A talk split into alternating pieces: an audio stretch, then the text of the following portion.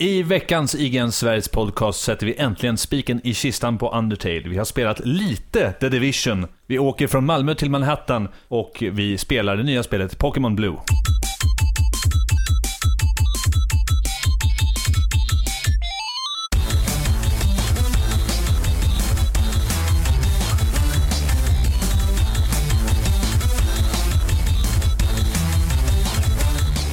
Hej och välkommen till IGN Sveriges podcast avsnitt 129. Vi är tillbaka nu efter en veckas uppehåll på grund av sjukdom och annan, annan misär. Vad, Eh, vad var det som hände egentligen? ja, det var Per som Högst personlig fråga måste jag säga. Jaha. Det vill du inte prata om. Nej, kanske, du vet, typ, jag var på ett sånt där äventyr, du vet som när Captain Nintendo sitter framför konsolen och spelar tv-spel, så sugs han in i tv-apparaten. Jag gillar... Det hände mig och jag var borta en vecka och nu är jag tillbaka. Välkommen tillbaka och med dig tog du utöver jag, David Grundström, Per Landin och Viktor Sjöström så är även Elisabeth här Hej. för andra gången. Jag hörde att någon kallade på mig i förra avsnittet och det är lite som Beetlejuice. Säger man mitt namn många gånger så kommer jag. Eller som Candyman, så kommer det med en krok och dödar folk. Ja, lite så. Lite så. Kul att, att, att du har kommit i alla fall. Eh, ser fram emot det här avsnittet som är fullspäckat. Det är nästan så att vi har behövt banta bort så himla mycket vi har skrivit upp eftersom det har gått två veckor. Alla är alltid så hurtiga och ska skriva upp så tusen saker. Att det är så här, som små dagisbarn. Åh, titta vad mycket jag har sett. Och, och allt ska med, alla erfarenheter och allting. Jag, jag bara, nej, jag håller mig till en sak. Det är därför det är ordning på dig. Ja, ja, Men. Per, någonting jag alltid velat veta Mm. är ifall du skulle hitta en tidsmaskin och du får möjligheten att åka tillbaka till ett valfritt år och ta med dig ett spel för att visa upp. Vilket spel och vilket årtal väljer du? Någonstans måste, jag tror att det måste vara, hmm, Viktor får hjälpa mig lite här, men det finns ju någon era i, jag tror tidningen Superplay eller Superpower, där vi pratar om typ hur, hur grafiken inte kan utvecklas något mer. Att nu har vi nått, eh, nu har vi nått piken.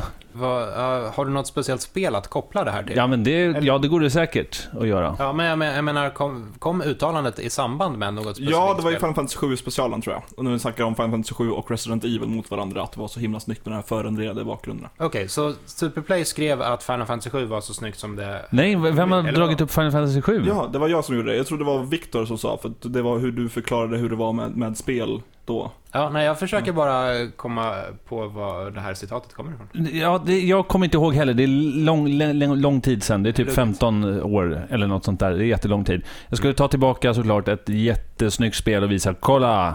Det här har jag utvecklat. Och alla hade bara oh, shit, och jag hade tjänat jättemycket pengar. Okej, så du tar åt dig äran? Ja, typ. Det är väl lite hela poängen med att resa tillbaka till tiden. Egentligen. ett spel till Xbox One. Just det. Bara spela det. Utan konsol. Ja. Ja, får de reverse engineera. Det där är en bra poäng.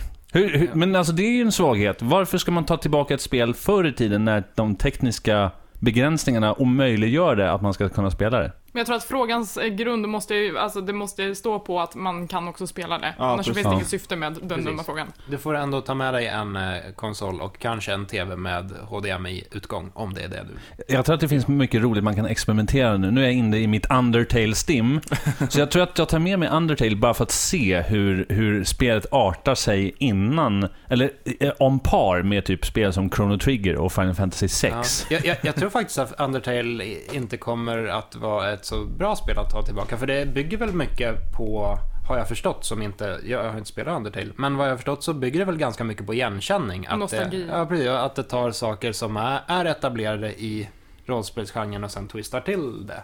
Och om man då går tillbaka till en tid innan rollspelsgenren riktigt har slagit igenom, då blir Under- Undertale typ det första mötet med genren och då blir det knepigt. Ja, det är därför inte man ska skicka mig i en tidsmaskin, för jag tror att jag bara fuckar upp det. Vad hade du själv tagit? Eh, jag skulle nog åka att... eh, jag kommer ihåg att när jag spelade Mario Kart, första Mario Kart, eh, så ehm, var jag väldigt fascinerad över bara faktumet att man kunde se en och samma gubbe ur flera olika perspektiv när man körde multiplayer och körde med delad skärm. Om man körde förbi någon så fick man se den personen från sidan. Så jag skulle nog ta med ett multiplayer-spel. Jag kanske skulle vara så tråkig att ta med typ Cod Blops 3 eller någonting till eh, 1993. Det eller någonting med mycket fysik, för fysik är också kul. Nej, Cod Blops 3 till 93 tar jag. Elisabeth, Eh, jag skulle nog eh, vilja göra lite mer samhällsnytta än, eh, än er. Eh, så jag tänker att jag måste ju försöka styra undan världen ifrån vissa katastrofer och sånt som, som händer, eller kommer att hända. Så jag funderar på kanske Fallout. Det kanske är ett bra spel att ta med sig tillbaka till tiden när kärnkraften är cool och häftig. För att den grundar ju sig ändå i, en, i ett slags 40-50-tal, så att det känns som att grunden inte är så himla avlägsen för de personerna att förstå. Eh, och säga, så här blir det.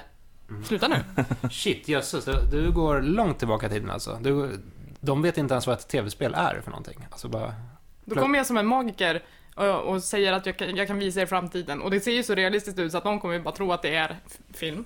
De kommer ju tycka att ansiktena i Fallout 4 ser lite creepy ut. Fast nej, för att liksom, tänk när, när den första filmen kom och det är på en duk och det kommer ett tåg som åker mot människorna och, och folk skriker för att de tror att tåget kommer komma ut ur skärmen. Folk fattar ju inte att det inte är inte bra grafik. Nej, det är sant. Men jag undrar bara hur konceptet Uncanny Valley skulle fungera på den tiden med ett spel från nu. Äh, skitsamma. David, Jag skulle ta med Sonic 2006 till 95. Eller 94 någonstans under eh, Brinnande. Sonic-era. Storhetsperiod. Och visa så här coolt blir Sonic sen. Så alla bara tappar hoppet. du tycker verkligen inte om Sonic va? Jag älskar Sonic 2. Ett tycker jag om också, men bara för att jävlas. Alltså, Sonic-franchiset överlag är ju, är ju på många sätt miserabelt att följa. Att se hur alla sitter och pratar om det här är skit, det här hade potential. Samtidigt tror jag att det blir någon form av, av grej att vad man än gör med Sonic så är det här skit. Utöver Sonic Generations, Ja. förra generationen. Och idag så släpptes också det fangjorda Sonic Racing. Alltså inte Sonic Racing, utan Sonic Racing. Där alla Sonic-karaktärer är omgjorda till kulor, förutom Eggman som då är ett ägg. Och det här ska konkurrera med Mario Kart på. Och jag måste säga att det här ser väldigt lovande ut. Har ni tid så googla Sonic Racing.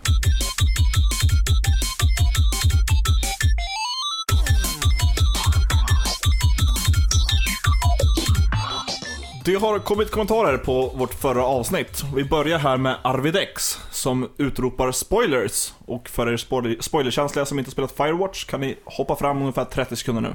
Spoilers, men det finns faktiskt två slut i Firewatch.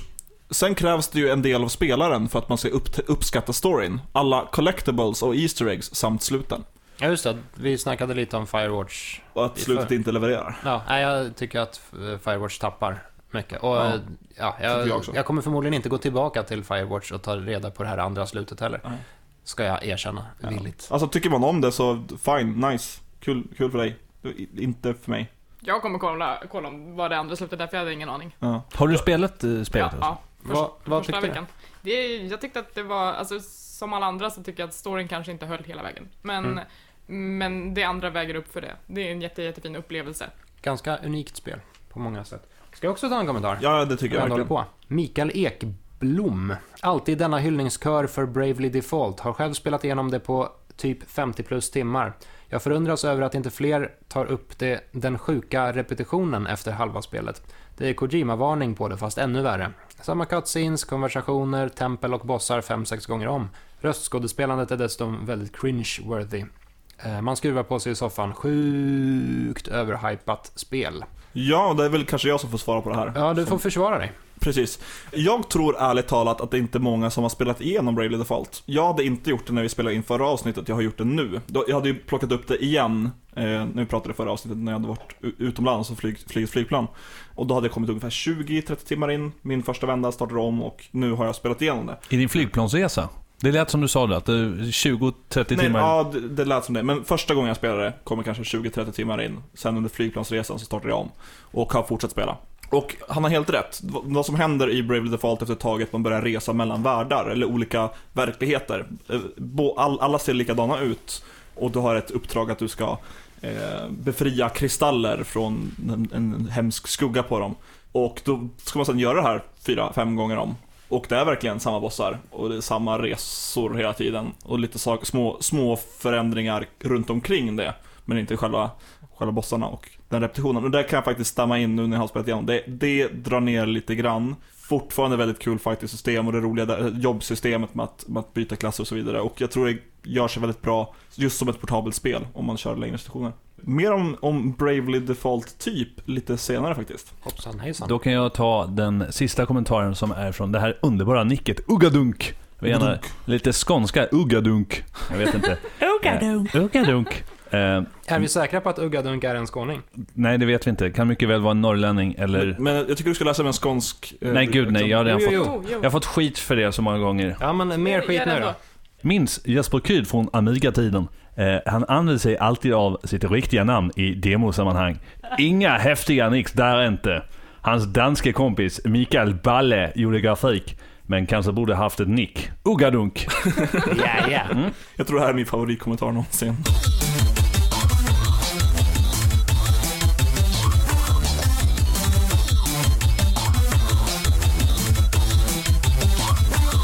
Det nya svarta, det är ju det här med Pokémon.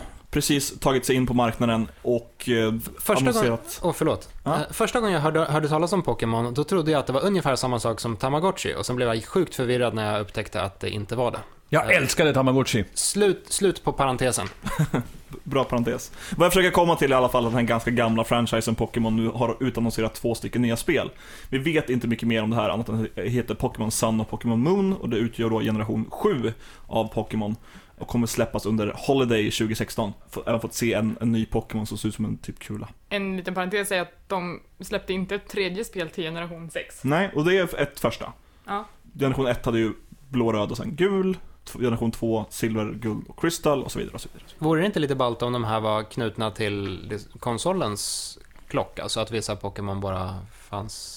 Så man helt enkelt var tvungen att vara uppe klockan halv fem på morgonen. Så har det varit sen Game Boy Advance. Har det? Inte så, så pass sent, men det måste... Eller ja, nej förresten, det har det inte med klockan. Nu när jag tänker efter. Det är en natt eller dag i spelet. Förlåt mig Hector, du har inte Jo, där fel. följer visst klockan. Va? Du ställer ju in klockan i ditt Pokégear. Har Pokémon-universumet en 24 timmars Ja. som, som tar Ja. 24 verkliga timmar? Från och med Pokémon Silver och Gold. Okej, Ja, ja. det är där, därför jag inte ska egentligen tillåtas in i ett. Pokémon-avsnitt av en podcast.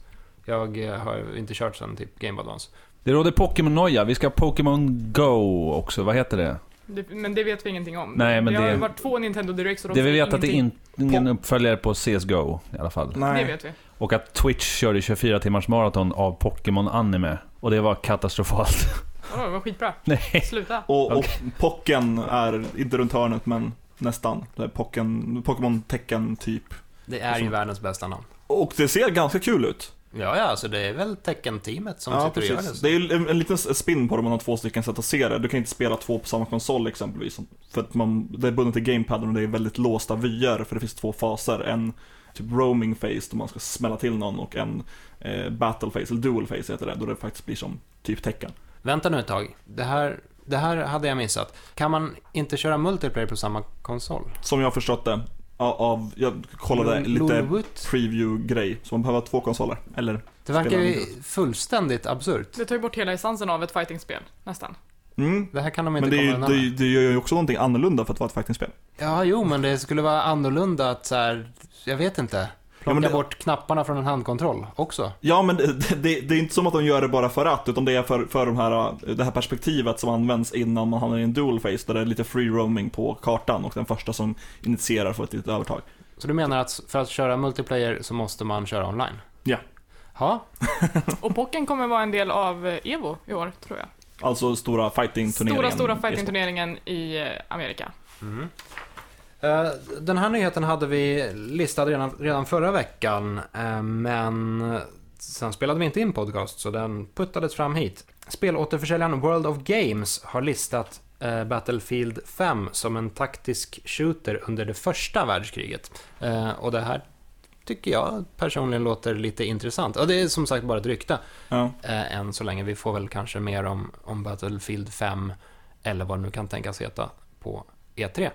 Ja, det gick ju en lång period när det bara kom andra världskriget och sen nu är vi inne i en lång period, eller vi kanske i slutet av en period när det var modern krigsföring och sen därefter futuristisk krigföring. Så kanske är det dags för första världskriget igen. ja, det är inte riktigt något som har utforskats särskilt mycket i spelväg. Det är typ... Eh, Valiant Hearts. Ja, precis. Mm. Jag tänkte säga franska 2D-spelet. Men Valiant Heart. Ja, det är väl typ det. Ja. Det, det låter ju väldigt begränsat om vi ska se eh, ur ett vehicle-perspektiv. Första världskriget finns knappt några stridsvagnar, knappt några Fast det fanns väl flygplan. faktiskt...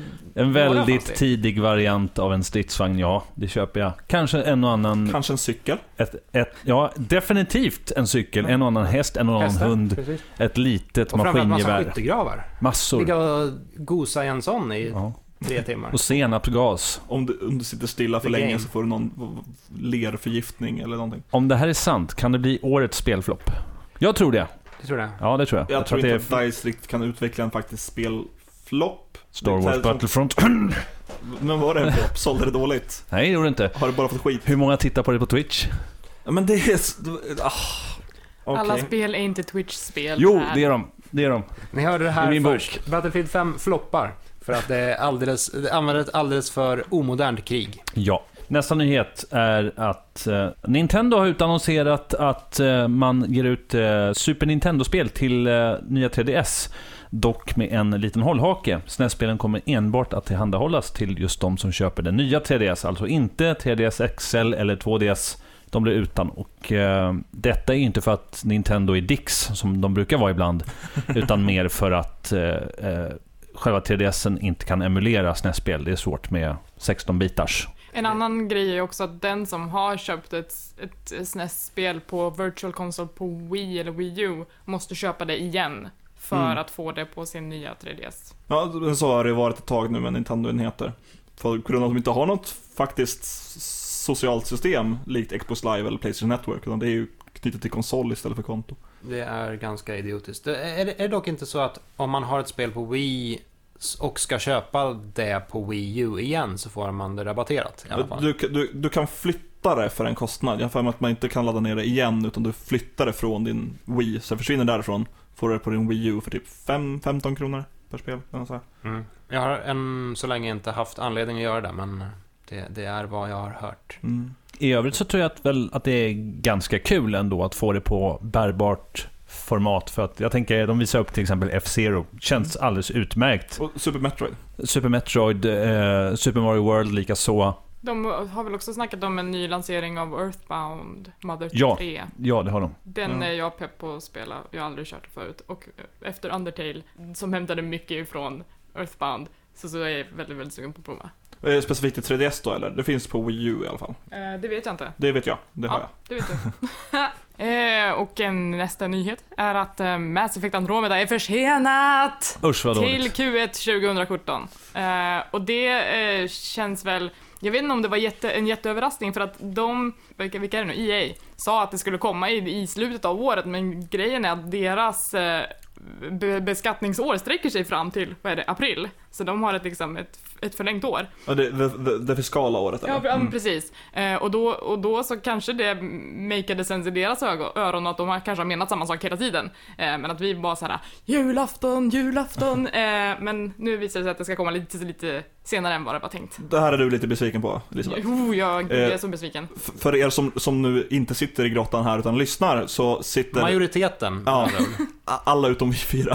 Så sitter Elisabeth alltså i en N7-tröja från Mass Effect. Något slags Bioware-fan kan jag tolka mig fram till. Absolut. Jag, jag vill för övrigt minnas att eh, Per Landin flaggade för att Mass Effect Andromeda kommer eh, inte leva upp, eh, det, det kommer inte riktigt leva upp till förväntningarna. Har jag sagt så? Ja, jag har för mig att du sa det i något tidigare avsnitt. Alltså ibland känner jag mig lite som Donald Trump faktiskt. Att Du säger så jag händer tydligen, så mycket. tydligen så säger jag grejer som jag inte riktigt kan stå för. Men vi leker med, med tanken. Men jag tycker att, att höra att det blir försenat är inte negativt. För EA har ju pushat på ibland utvecklare så att de har fått släppa lite för tidigt. Jag tänker inte minst på Dragon Age 2. Så att, att eh, Bioware får ta ut svängarna lite grann med, med Andromeda känns för mig ganska bra ändå. För att jag vill att det här ska bli väldigt bra. Ja, Ja, alltså- det är av, av rent egoistiska skäl som man tycker att det är tråkigt. Ja, Eh, exakt. Alltså en, en försening som inte är på kanske två år för att utvecklingen är trasig och sen blir ett trasigt spel. Men eh, en, en, en försening på grund av att man måste finslipa, det är oftast bara för det bättre. Ja, så länge det inte blir något Mighty Number 9 i alla fall.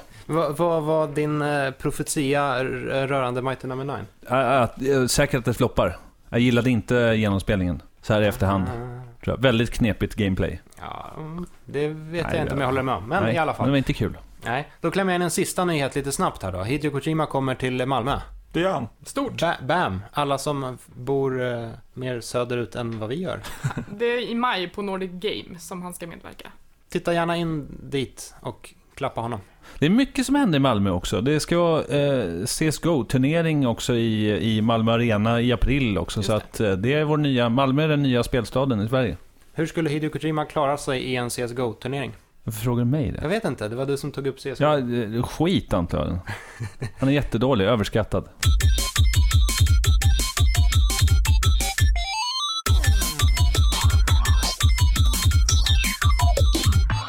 Spela spel hinner man göra på två veckor. Även se filmer, vilket jag tänkte inleda med här genom att, att eh, ge ordet till Viktor.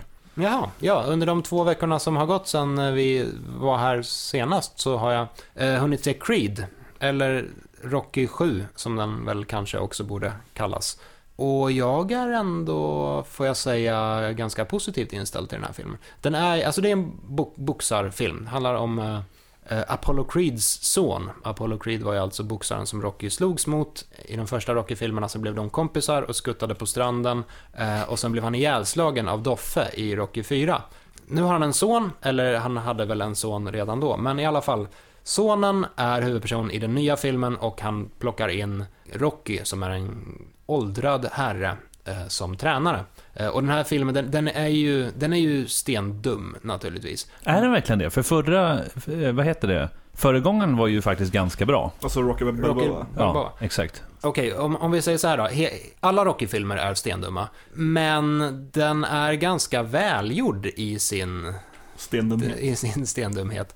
Precis, den, den är välspelad och så här, första Rocky-filmen, den kändes ändå ganska genuin. Sen blev Rocky ett stort fenomen och det blev ett spektakel av det och då fick vi alla de här mitten-Rocky-filmerna eh, som bara blev mer och mer överdrivna. Och den här känns lite mer, lite mänskligare igen. Lite mer, ja, intim kan man väl säga.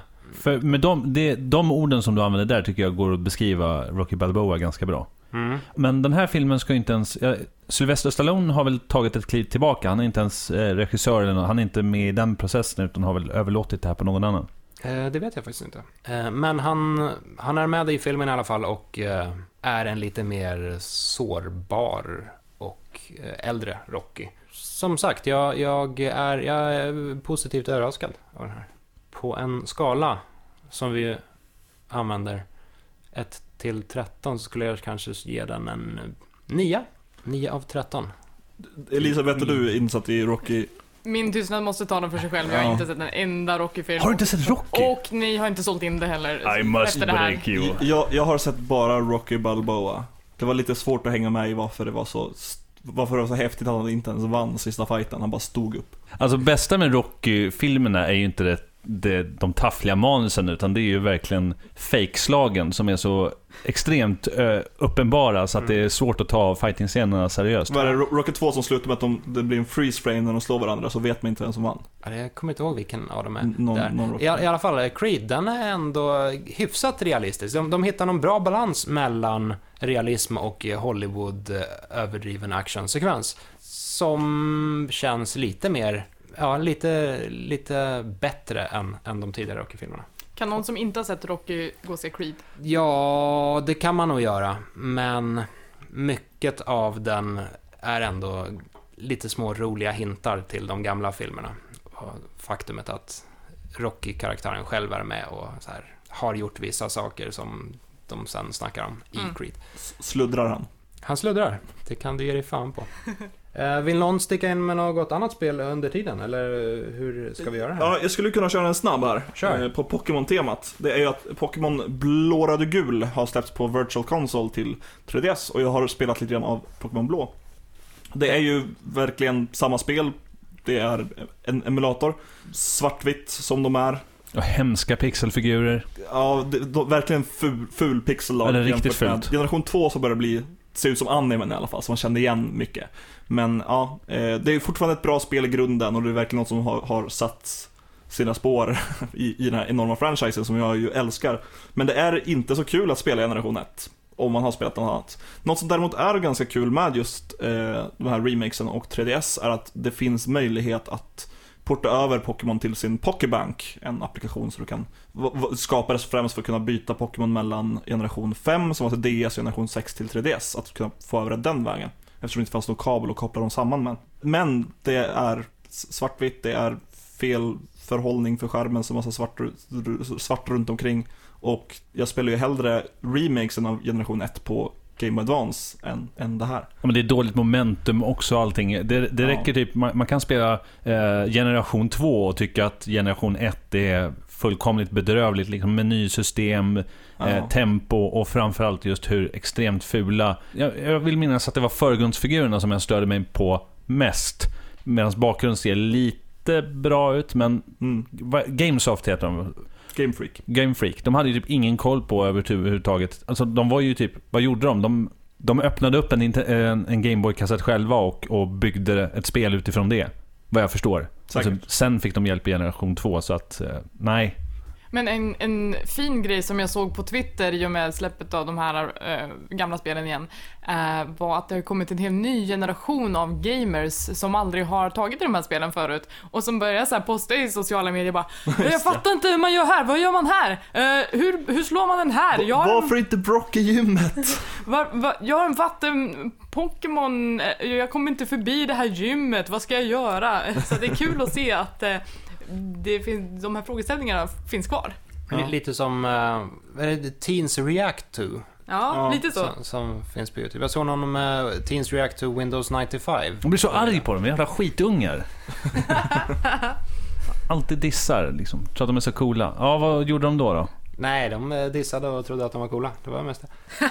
om, om jag får sno till... Eller du, är du klar med Ja, jag är Pokémon? klar med Pokémon. Ja, ja, men då, då snor jag tillbaka rampljuset lite här. Eller ska jag sätta betyg?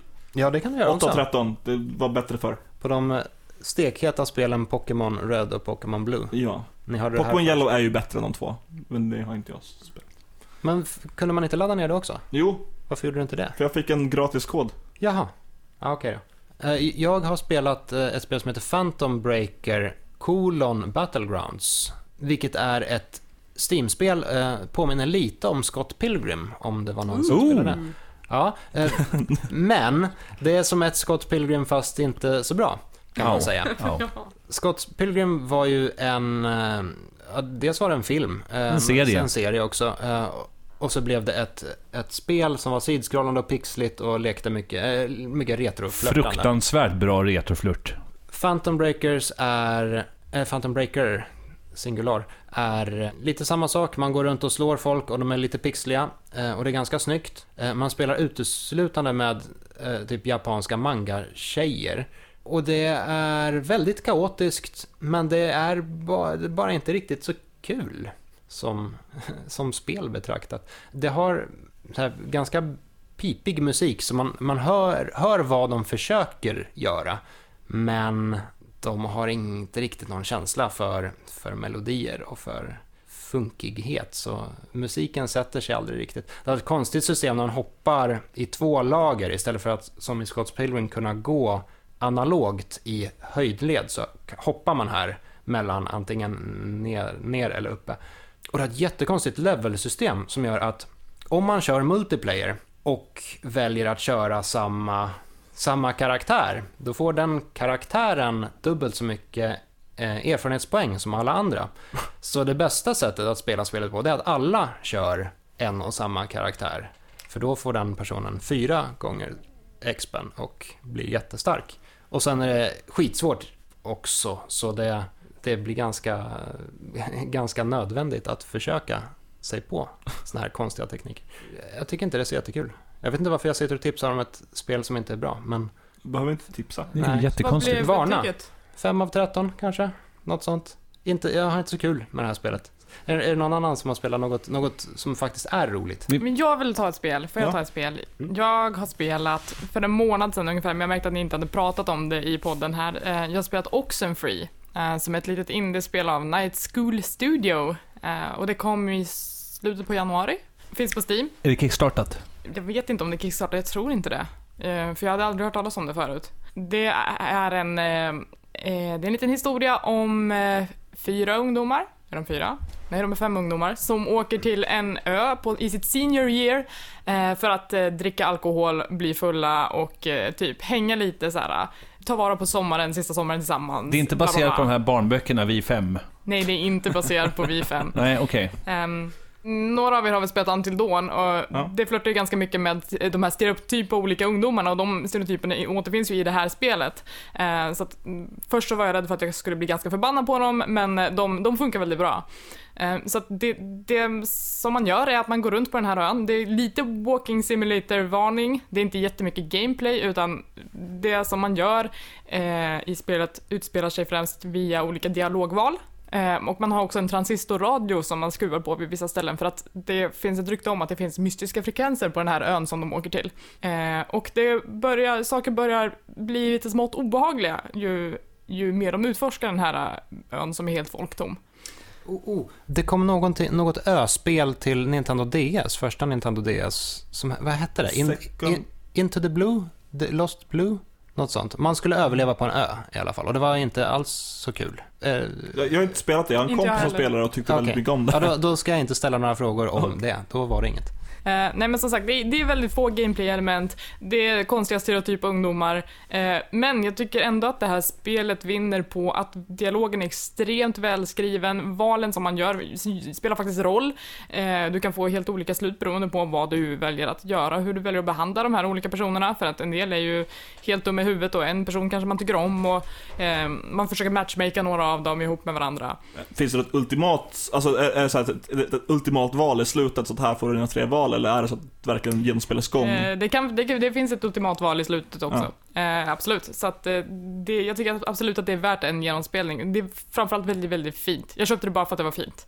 Eh, det är lite som en blandning mellan en klipp och klistra collage, lite akvarell och väldigt så här eteriska, sombra färger som verkligen gör, sätter stämningen på den här ön. Och det är väldigt kusligt också, det här spelet. Jag gillar inte skräckspel och jag har skrek rakt ut många gånger. För att jag var inte beredd på att det skulle vara ett skräckspel. Jag måste fråga, för jag älskar, eh, typ, du säger transistorradio. Jag gillar radio som medium, eller som verktyg i skräckspel. Nu har inte jag spelat så många skräckspel, men jag tycker fortfarande det, är ett ballt verktyg för att förmedla skräck. Hur stämningsfullt gör det, eh, alltså hur mycket påverkar transistorradion?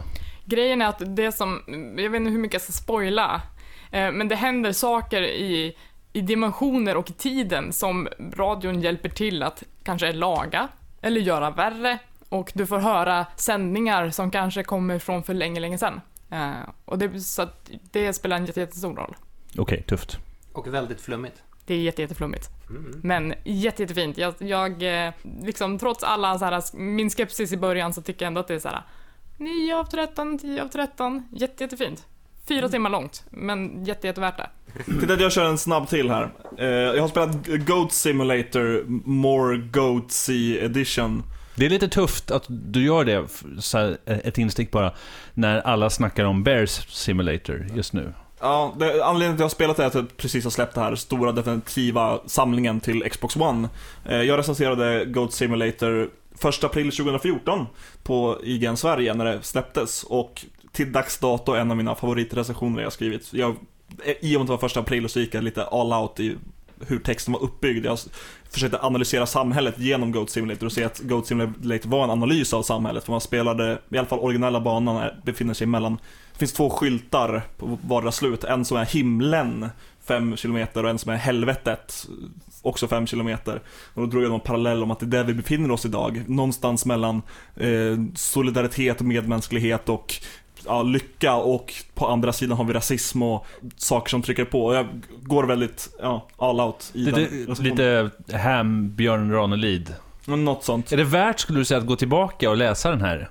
Ja, det skulle jag faktiskt säga. Ja, alltså, jag måste ju ändå säga det, för jag, jag upptäcker den ibland då och då när någon snackar om så här Goat Simulator, började tänka på den här och jag har läst den, jag har fortfarande ganska kul åt den, om jag nu får dunka mig själv på ryggen. Och det var också kul att spela Goat Simulator när det först kom. Man, det var en knasig get, man gav det en, två timmar och hade ganska kul med de där en, två timmarna. Men nu har jag spelat på Xbox One och det är, alltså det jag kan öppna med att det är en så horribel kontroll. På PC har jag ändå någon slags kontroll över vad som händer med min jävla get. Och jag kan klättra i stegar som man då gör i vanligt FPS-manér att du går framåt och så stiger det sakta uppåt. Det går inte riktigt att ha den kontrollen på Xbox One, den, för det, det är så himla halt, så man trillar av den här stegen när man väl ska försöka klättra upp på en stor eh, byggnadskonstruktion. Det, det som jag inte har spelat tidigare i Goat Simulator som nu, nu har kommit det finns ju en stor patch som hette eh, MMO Simulator. Jag tror jag rörde det och loggade ut snabbt igen och den försöker rollspela World of Warcraft. Eh, och det finns en, en allmän chatt där det bara spottas ut massa dumt såhär, Don't trust nickname, he's a ninja. Eh, eller looking for whatever, massa Diablo-referenser. Och det är här, lite kul humor, tråkigt spel. Finns någon form av quest-system där man går och står nära någon och säger kan du snälla hämta ett äpple till mig? Det finns inget, ingenting i närheten och absolut allting runt om dem är bara äpplen som ligger på marken. Eh, så här.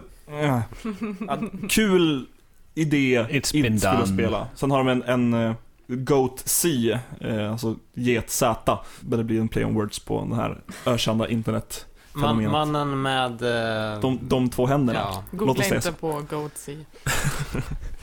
Det här finns det faktiskt någon form av gameplay som skiljer sig från hur det är i, i vanliga Goat Simulator. Det finns möjlighet att, det blir en överlevnadssimulator, det har två lägen eh, innan the outbreak och efter. Så innan är basically som Goat Simulator varit förut, du springer runt som en zombieget, du kan trycka på en knapp för att infektera folk, bland annat en Conan O'Brien-kopia som heter någonting lite väl nära. Och då blir de zombier. Om du gör det på tillräckligt många, då övergår det till efter eh, det här outbreaket av zombieviruset. Och då är det en överlevnadssimulator. Du får en häl- hälsomätare, då måste du äta mat för att få upp den. Du har en matmätare, hur typ hungrig jag är. Nej, hälsomätare, då måste man utföra uppdrag eller äta zombiehjärnor. Matmätare, äta mat typ. Och de här behöver man då hålla i schack och så överlever man vågor. Så här blir det faktiskt någon form av annorlunda gameplay. Det är gjort förut och bättre i alla spel som har försökt, men det varierar. Så där hade jag ändå mest kul när jag skulle sitta med det här på Xbox One. Men kontrollen är som sagt horribel. Det är inte så kul att spela Goat Simulator igen. Det var ett kul fenomen. Det var kul att röra vid det lite grann. Men jag vill inte röra vid det igen. Det, här med humor i spel Ja. är jävligt svårt. Ja. Jag spelar Tales of the Borderlands med min sambo. De Ja. är duktiga på det. Mm. Ja de, de, de kan skriva manus. Och där finns också någon form av stabilt gameplay. Det är inte mycket att göra, men där finns någonting som fungerar. Här är det bara, här är ett trasigt spel, det är skämtet. Ja, det så är det ett trasigt spel som skämtar om så här, "Haha, det finns spel som är trasiga. Typ, typ som i Matt Hazard, Inte om det var någon som spelade det. Eh, Det, det var ett, ett spel som drev mycket med eh, konventioner och så här, ja men så här fungerar ett eh, actionspel. Och så var det ett så här halvsunkigt actionspel. Och så tänker man att, ja, jaha, jo, det är ju kul att ni påpekar det, men ni gör Ja. det ju inte bättre själva. Det känns som Så. att metahumor är svårare än annan humor. I alla fall när man ska göra ett spel av det. Ja, det, det är inte så jättemånga spel som är genuint roliga tycker jag. På det sättet, eh, humoristiska. Jag, jag har en recension av det här som ligger uppe på IGN Sverige, eh, där jag gav det typ 5 eller något sådär av 10. Och jag skulle nog, jag har blivit ännu mer sur sen jag skrev den, så jag säger 5 av 13 till och med. Så jag sänker det. Du Sweet. sänker det genom att inte göra ett skit. Ja, Va? precis. Jag Höj, ökar, höjer du taket. jag höjer taket betyget. men stannar kvar. Har man inte spelat Goat Simulator och inte har en PC som klarar av det här inte så tunga spelet Goat Simulator så kanske det är värt att skaffa ett Xbox One, men jag tycker inte det.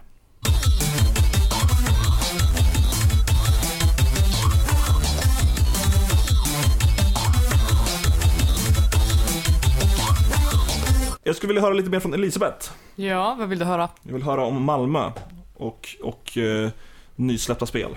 Du vill höra om Malmö och Manhattan och vad de två har gemensamt? Ja, Ja, absolut. Eh, jag har spelat The Division, men jag har inte spelat jättemycket Division. nej. Eh, det är min disclaimer. Idag är det onsdag. Igår, Det släpptes igår, Det släpptes igår. Jag spelat, eller spenderade hela gårdagen på Women in Tech-konferensen på, eftersom det var internationella kvinnodagen. Eh, så jag hann inte spela någonting. Eh, så jag har spelat lite idag och lite igår kväll. Så att jag kommer inte säga, säga något jätte- jättematigt. Så var din matiga åsikt. Nej. Det räcker att du säger någonting så att den här podcasten är hipp och fräsch. Och pratar om ett väldigt aktiv, äh, aktuellt spel. Jajamän. Det, det enda vi vill ha det är några speluttryck så att vi kan sätta The Division eh, på headerbilden här. Ja, men på, perfekt. på avsnittet. Okej, men Division är det- vad, som, vad folk säger kan bli Sveriges, årets största spelexport från Sverige. Eh, Det är Ubisoft Massive som har suttit med det här, jag vet inte hur länge de har hållit på med det. Det är ett online-rollspel i en postapokalyptisk, inte så avlägsen framtid. Det som har hänt är att ett virus bryter ut på Black Friday i, i, i Manhattan eh, och slår ut till slut 99% av hela befolkningen. Och eh, det blir såklart anarki och kaos på gatorna i New York och då, vad man gör då är att man kallar in en specialstyrka som kallas för The Division som är Sleeper Agents. Eh, som man liksom tillkallas när man inte har någon annan utväg. Och eh, The Division kan vara liksom, det kan vara din mamma, det kan vara din bror, det kan vara din bästa vän, det kan vara vem som helst. Eh, så det, det är lite ett spännande koncept. Så det man gör är att du blir uppväckt som, eh, som en del av Division. Du ska göra olika uppdrag för att bygga upp en bas, etablera den och ta stan tillbaka från våldsamma gäng som härjar. Vad eh, handlar ens arbetsuppgifter om? Som en sleeper agent? Eh, jag har inte kommit jättelångt, som sagt. Jag har gått igenom de första uppdragen där man ska försöka rekrytera personal till sin bas. Så att vi, vi har hittat en läkare, vi har hittat en security specialist och eh, sen ska vi ha någon tech-person också. Eh, Men många av de uppdragen som jag har spelat hittills och som jag spelat lite under betan har varit väldigt likartade. Det är antingen siege missions, hostage missions eller att man ska markera supply drops. Och det är i princip det enda som jag har sett hittills. Ehm, så att jag är lite rädd för att det kan bli tjatigt i längden.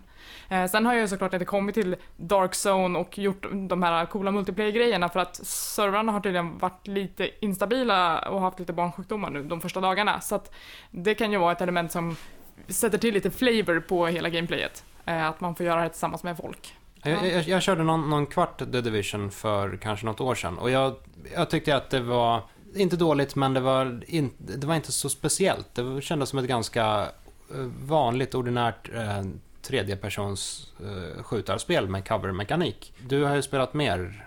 Känns, alltså hur, hur känns det om man jämför med typ Gears of War eller liknande? Men problemet är att jag har inte spelat så mycket andra skjutarspel så att jag har inte samma referensramar att utgå ifrån. Mm, Till exempel min sambo, han har också spelat lite beta och lite, lite nu av släppet och Mm. eh, han tycker väl inte att det är superspeciellt. Men Nej. vi sitter ju likväl och spelar. Mm. Vi, det, det är ju någonting som håller fast oss i den här världen. Mm. Um, och det finns ju en story att låsa upp som man får i form av eh, soundbites, evo- recordings, övervakningsvideo och sådana saker. Eh, så att det som uppdagas är väl lite vart den här sjukdomen kom ifrån och, och varför. Jag har hört att spelet ska växa ju mer man spelar. Jag hoppas att det gör det. Jag, jag blev lite avtänd av den korta sessionen jag hade tidigare. Men eh, ja, det var ju inte färdigt spel. Så, så det är för, förhoppningsvis mer polerat och, och bättre vid det här laget. Men det är lite så här t- tend to gameplay, typ Farmville. För du nämnde en, en bas som man hela tiden ska, ja, man ska uppgradera, man ska rekrytera folk. Är det någonting som eh, är återkommande, eller finns det så att säga ett maxtak som gör att nej, men nu, nu är jag klar med den här delen? det. Det tror jag att det gör. Jag vet inte riktigt. Det, jag tror inte att det är så här fallout shelter management på det hela, utan att det, det är liksom att vi ska ha våran bas, vi ska ha vårt folk för att då kan vi gå vidare därifrån. Jag tror att det är mer att det är en plattform att stampa ifrån. Men något som jag verkligen gillar med The Division är ju att det är först och främst ett väldigt snyggt spel. Det bryter mot den oskrivna regeln att alla shooters måste vara bruna eller grå. Eh, för att eftersom det här viruset kom på Black Friday och slog ut hela samhället så är ju all julbelysning kvar. Det snöar, det är vinter, det är julbelysning, så att allting är så här ganska fint. Mm. Det är jättetrevligt att springa runt i. Det är så här en massa kraschade bilar och lite kaos och lite döda kroppar och sen så är det en julgran. Supertrevligt. Eh, så att lite, lite stämning ska det ju vara. Lite stämning med döda kroppar. Ja, men eh, är den fortfarande upplyst? Ja, det finns el. Det, eh, skyskraporna i himlen är liksom upplysta så att det finns ju ett power grid som fortfarande går. Okej, ja men det är ju ändå imponerande. Är det inte så att New York typ drivs på ånga? De- Jo, jo, så är det. Så är det ja, ju. definitivt. eh, så att, Säger jag. nej men, nej men de, de, jag vet att New York har liksom ett, ett ång-powered el någonting eftersom deras el slogs ut en gång av en snöstorm och då sa de att vi fixar ett backup-system som drivs på ånga. Det är därför så här, i alla New York-filmer så kommer det upp så här ång... Ur kloakerna, just det. kloakerna. Ja, det kan jag relatera till. Nej, Det har jag sett på film. Ja. Jo, men det har jag. Det är svårt att läsa innantill. nej, nej, men jag vet inte varför det är fortfarande är upplyst. Jag har inte kommit så långt så att jag har fått någon Ja, förklaring. det på här måste vi forska finns. mer på i alla fall. Jag är intresserad. måste hållas på. Ja, vad, vad tycker du? Är du positivt inställd eller negativt? Hittills är jag positivt inställd. Jag kommer, så fort jag kommer härifrån så ska jag sätta mig och spela mer. Så kan jag ju säga. Mm. Eh, och, eh, men jag vill inte så här, säga vad jag tycker om den, för att precis som typ alla spelpublikationer bara, vi vill inte sätta ett betyg på det här. Veda Igen också har sagt att vi måste spela lite mer för att vi, kan, vi ska kunna göra det Mm. rättvisa. Review in progress. Mm. Precis. Kan man köra ett betyg in progress då? Om du sätter halva betyget liksom, 6 av 13 då? Mm, ja, men jag skulle ändå säga så här, om, om 6 av 13 är så här, meh, eh, betyder det det? Nej, det betyder att du bara kommit halvvägs, så att du får sätta halva betyget. Ja, men Nej, om, det betyder att det är med. kan vi inte göra kanske så här liksom- då? Om, om, man, om, man, om du får sätta ett betyg på en skala mellan Ett 1 och sex och en halv. 6,5, exakt. Eh, ja, men då skulle jag väl sätta kanske en eh, fyra, för det är mer än, mer än med. Det, är, det är bra, det är I am Det är helt, helt okej. Ja. Ja. Halva betyget nu, halva betyget en annan gång. Ja, men precis. Jag tänkte att jag, jag kör en sista här nu som jag hunnit tisa om i avsnittet innan vi går in på, på, på det jag tror kommer ta tid. Ja, jag myror i brallan. Och det är att jag har spelat eh, Bravely Second, uppföljaren till Bravely Default som släpptes nu förra veckan? Släpptes nyligen. Eh, är en, en direkt uppföljare på Bravely Default som ändå är så här. det händer inom rollspelsvärlden men ofta så är det ju ofta ett nytt universum, nya karaktärer, nytt allt. Man vill inte återbesöka på samma sätt. Men här är det två och ett halvt år efter händelserna i Bravely Default så har världen strukturerats om lite grann och man tar rollen som Eugenolga. You, inte Jew. Det stavas med J-E-W. Typiskt japanskt äh, västerländskt namn alltså. Ja, jag tycker börja med att det är väldigt kul med röstskådespeleriet i det här spelet. Det är, inte, det är inte jättebra, vissa är bra, vissa är inte det. Vissa uttalar det you, vissa uttalar det Jew och då blir jag lite obekväm när de säger jude till, till huvudpersonen. Och vissa säger Vad ju. är det för fel på det, David? Nej, inget fel. Åh, det blir, ja. Ja, det blev en sån här podcast. ja. Ja, ja. Men i alla fall, eh, fyra stycken karaktärer spelar man, som i Bravely Default. Det är, eh, du har inte fyra stycken arketyper, där det är en, en person som är bra med svärd, en person som inte är det per default, utan det är, du väljer arbeten eller jobb som du utvecklar och du får nya jobb när du besegrar vissa bossar som håller i vad som kallas asterixer, eller job asterix. Eh, för att kunna låsa upp deras eh, möjligheter, som ska vara att, att eh, heala, att skada, att eh, slå med knytnävar, att skjuta pilbåge. Eh, de har några nya jobb och några återkommande jobb. Alla nya jobb får man då via, via main missions eh, och eh, gamla jobb får man alltid via side missions där du kan ofta få välja mellan två stycken gamla och ett då går förlorat. Vilket blir ett ganska intressant moment, för jag har ju mina favoritjobb från förra spelet och då måste jag välja, ibland kanske det är två stycken som jag gillar som ställs mot varandra och då måste jag överväga vilket är det jag faktiskt ska ta. Samtidigt som det också är en story, vem av de här kommer göra me- mest hemsk sak? För varje sån side mission är två stycken gamla karaktärer från Bravely Default som har blivit goda och ska göra något fint för världen. Men då behöver all, båda samma, kanske samma diamant för att kunna, magisk diamant för att kunna Så lite, an, lite antingen eller. Ja, du precis. måste göra ett val. Ja, ska, ska vi rädda den här lilla eh, gruppen ute i öknen som verkligen, verkligen behöver vatten? Eller ska vi hjälpa den här snubben som vill fixa gratis vatten, rent vatten till alla i hela världen? Och då vill jag egentligen ge det till alla i hela världen, men om jag gör det för ökengruppen så får jag ett bättre jobb. Och vem vill inte ha ett bra jobb liksom? Ja, precis. Det, det är vad alla vill. Lite House of Cards över det hela, skulle man kunna säga. Lite grann. Jag, jag känner än så länge, jag har spelat ungefär 20, 15-20 timmar av det här. Jag har inte kommit jättelångt i huvud, huvudstoryn. Eh, men jag känner än så länge att jag tycker mer om hur eh, berättelsen läggs upp än jag gjorde i originalspelet. Där är det ganska mycket gå ut och rädda världen från den här hemska saken. Här är det snarare att en av huvudkaraktärerna från Bravely Default, Agnes, har blivit kidnappad av en ny stor skurk och man ska rädda henne. Eh, och då samlar de ihop sig, ja det är två stycken nya karaktärer och två stycken återkommande i den här gruppen om fyra. Och eh, det känns på något sätt mer, lite mer down to earth, det försöker inte ta sig an för mycket, samtidigt som de utforskar den här världen man har varit i lite mer noggrant. Och det finns nya saker som hänt, nya städer som finns, nya, nya delar helt enkelt. De har fortsatt bygga på det här stridssystemet. Snackade jag om tidigare att det är eh, man kan väldigt offra rundor för att göra mycket på en gång och då göra någon matematisk uträkning på att det här kanske lönar mig, jag kanske kan klara det här mycket snabbare. Och om man då spöar en hel våg av fiender i ett försök, då har man chansen att få möta en ny våg direkt, men med eh, 1,5 gånger XP'n. Och sen det då gånger antalet fiender man möter, så ju fler sådana rundor du kan hålla uppe så kan du få upp det till kanske gånger två och du har mött ja men 10-12 stycken olika fiender, då kan du få jättemycket XP. Så det är ganska kul och lätt att grinda om man vill det. Som det var i Bravely Default fast nu mycket mer strömlinjeformat. Eh, och jag tycker det är kul att grinda när det är kul gameplay. Så överlag så är det här en uppgradering av Bravely Default. Det är en, en, en bra sak. Spe, spelmekaniskt är det absolut en uppgradering och jag trivs ju bättre med storyn än så länge. Det kanske blir lite sämre. Om man inte har spelat första Bravely Default, Behöver man inte göra för att spela Bravely Second. right. Om det ska komma till. Det finns, mycket är ju så här ah, gamla vinkar till hur det var i, i Bravely Default och personer man träffade där. Men allt sånt berättas också. Och man får en genomgång av huvudstoryn i början av spelet. Mm. Och det är ändå en helt ny story där man får veta att ah, men den här Agnes eh, är stor och viktig, hon räddade världen. Nu är hon borta, du måste rädda henne. Mm. Eh, och nya karaktärer, nya kärleksintressen. Så att jag tror absolut man kan spela Bra- Bravely Second istället.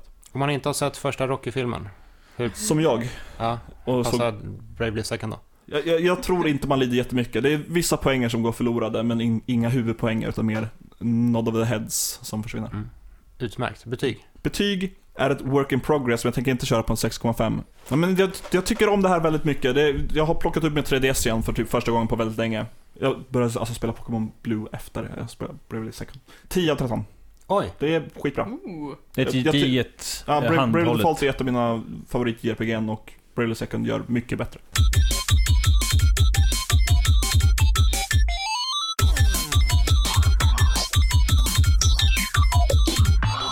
ska vi låta de här två battla? Så, så, jag, så jag pekar. Det här är bra radio. Ja, nu, nu, nu tänker jag bli tyst lite grann och fråga vad betyget var efter det sagt. Go! Jaha. Eh, vi pratade lite förut om humor i spel, att det är svårt att göra. Och eh, det kan ju inte annat att inte hålla med för att jag tycker att Toby Fox med sitt fantastiska Undertale lyckas bevisa att humor går absolut att göra. Eller vad tycker du Elisabeth? Eh, jo, men det tycker jag absolut. Ehm, jag vet inte riktigt hur mycket du har sagt om Undertale i förra avsnittet. Jag, lys- jag lyssnade visst på det, men eh, var, hur långt har du kommit Vi då? gör så här helt enkelt, Ja. att eh, här är en återblick.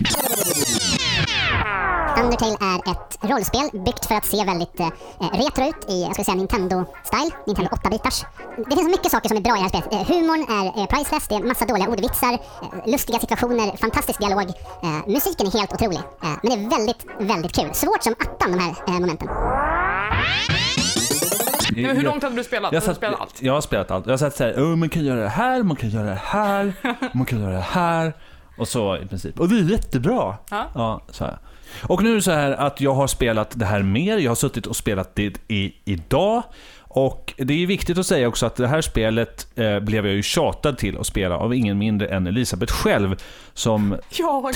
ja, till och med gav det här i födelsedagspresent till mig. Och det är jag ju extremt tacksam över för att jag... Det har ju varit en, en emotionell soppa att spela det här spelet eh, av Guds nåde. Och eh, förra veckan blev ju inte riktigt som jag hade hoppats på. Eh, det kändes jobbigt, gick hem var ledsen över att ha gett det här fantastiska spelet orättvisa. Så nu har vi dig här Elisabeth, som med din vältalighet kan tala om varför Undertale är ett bra spel. Kan vi inte bara, bara sätta betyg? Vi sätter ett betyg direkt. Vi Eh. vänder på det. 13? 13. Ja, 13, 13. alla dagar. Jag håller med. Ja, Men då så, Mm. då kan vi gå hem. Jajamän. Det, det var den harangen. Nej men alltså Undertale, jag vet inte, jag, jag tyckte att det var ett, en väldigt, väldigt stor upplevelse för mig. Det är ett litet spel som lämnar så himla, himla stora avtryck så att jag blev en sån där odräglig Undertale fangirl som bara gick till alla och bara spela Undertale, spela Undertale, du ska spela Undertale, du ska spela Undertale. Eh, så du var ju ett av alla mina offer. Eh, och du var det nästan den enda som har nappat. Va? Eh, två, du och en till har nappat. Eh, och de andra blir ju så himla avtändda på att jag bara tjatar om det här spelet hela, hela Jag tiden. vet. Och jag är inte ensam om det här. Det är alla som har en närstående som Mm. spelar Undertale, starta en stödgrupp för ni behöver det. det. Det är så jävla synd om er och ni kommer aldrig kunna spela det här på... Vad som egentligen behövs är en typ Undertale-maffia som ringer hem och hotar folk att spela Undertale. Men, men det här tycker jag är kul, för också Undertale är ju ett spel som i, i mångt och mycket eh, spelar på eh, nostalgi av gamla skolans RPG. Och eh, hur mycket har du eh, erfarenhet av det? Av gamla skolan? Be- betyder det någonting överhuvudtaget? Som jag sa förut så Earthbound har ju gått mig helt över huvudet, men Pokémon tycker jag känner igen jättemycket Ja. referenser ifrån. Eh, och speciellt i, eh, vad ska man säga, stridssammanhangen. Det är väl mest det som, det var mest det som blev det nostalgiska för mig. Och sen så liksom finns det också en, en skärm i grafiken som bara säger att här ska du känna nostalgi, för att det är ändå sånt som man såg när jag var liten.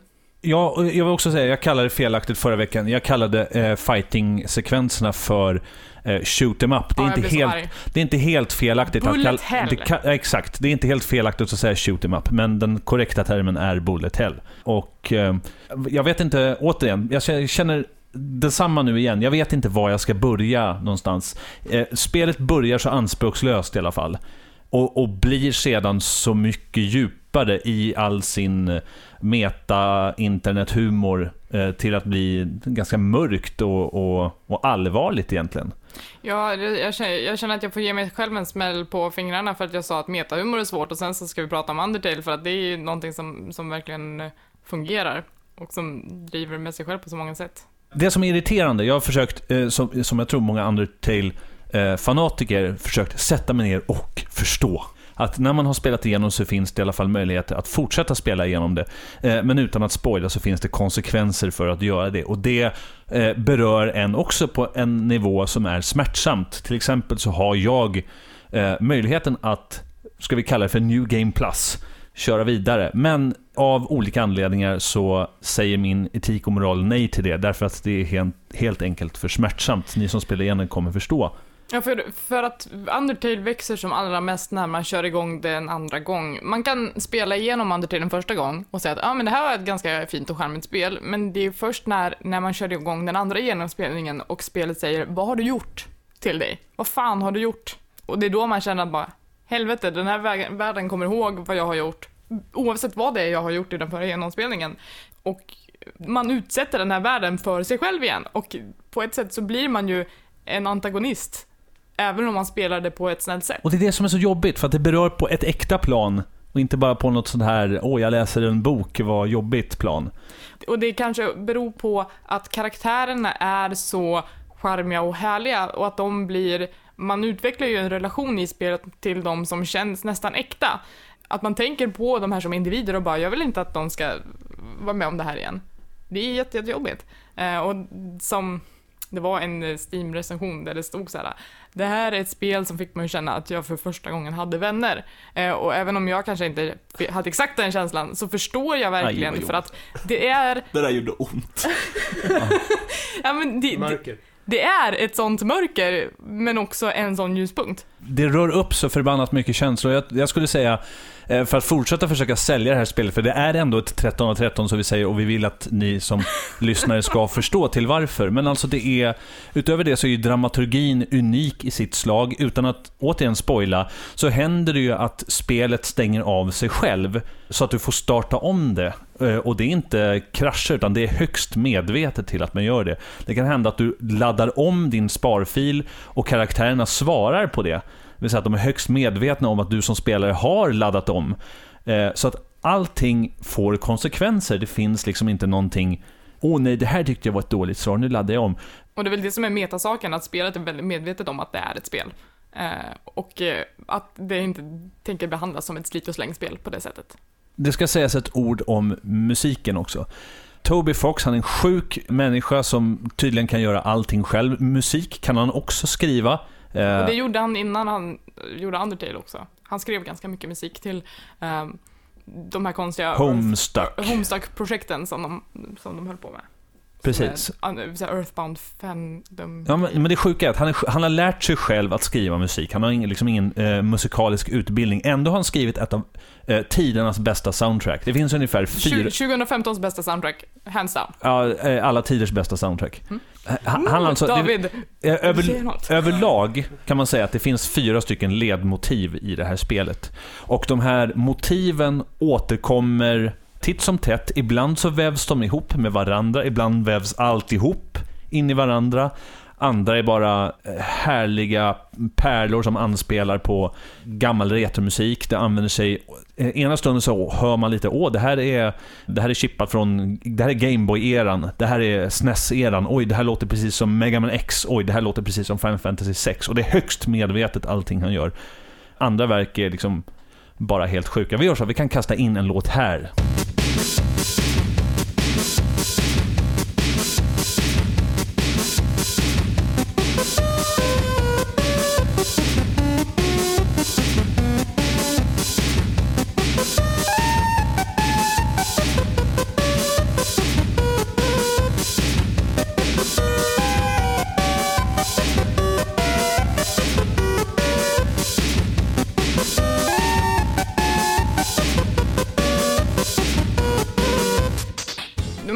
Som du nämner med att de här olika eh, låttemana vävs ihop, det är ju någonting som jag tycker att man ser i klassisk musik. Det är sånt man ser i opera. Och det är skrivet med en sån finess som gör att man tror att han är klassiskt skolad fast han inte alls är det. It's, det är liksom bara i hans huvud som det här kommer ifrån. Eh, och han erkände kanske lite grann i en intervju att det sparar mycket tid att återanvända saker, men det är ändå, det finns en tanke bakom allting. Det, det är inte en slump var han lägger de här återanvända styckena. Det är väldigt, väldigt medvetet. Ja, absolut. Men du, du pratade också tidigare om, om hur bra det gör sig i att man hör att det är ett smart soundtrack därför att det är så lätt att remixa och typ eh, sampla. Ja, tips! Jag vill tipsa om mitt album, inte mitt album, men det albumet som jag lyssnar på mest, det är soundtracket till mitt liv just nu. Eh, Och det, var, det är... ett- 2015 bara.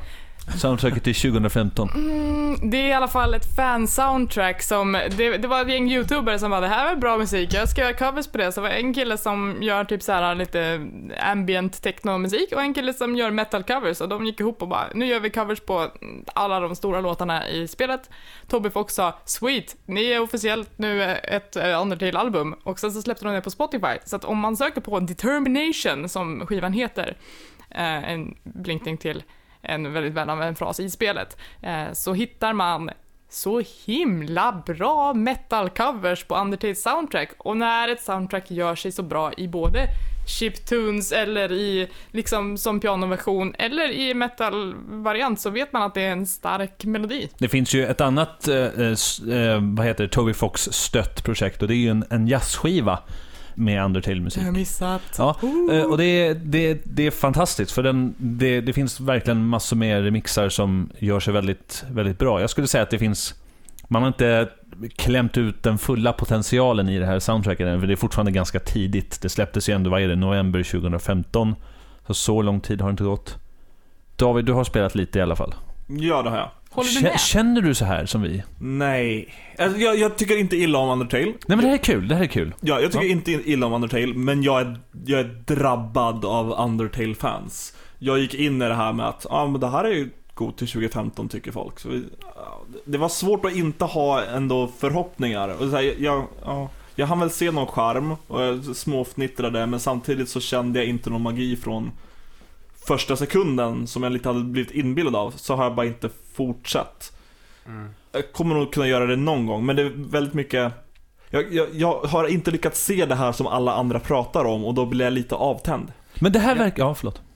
Eh, Jag, ehm, jag känner igen problemet, för jag, jag ehm, är också omgiven av Undertale-fans.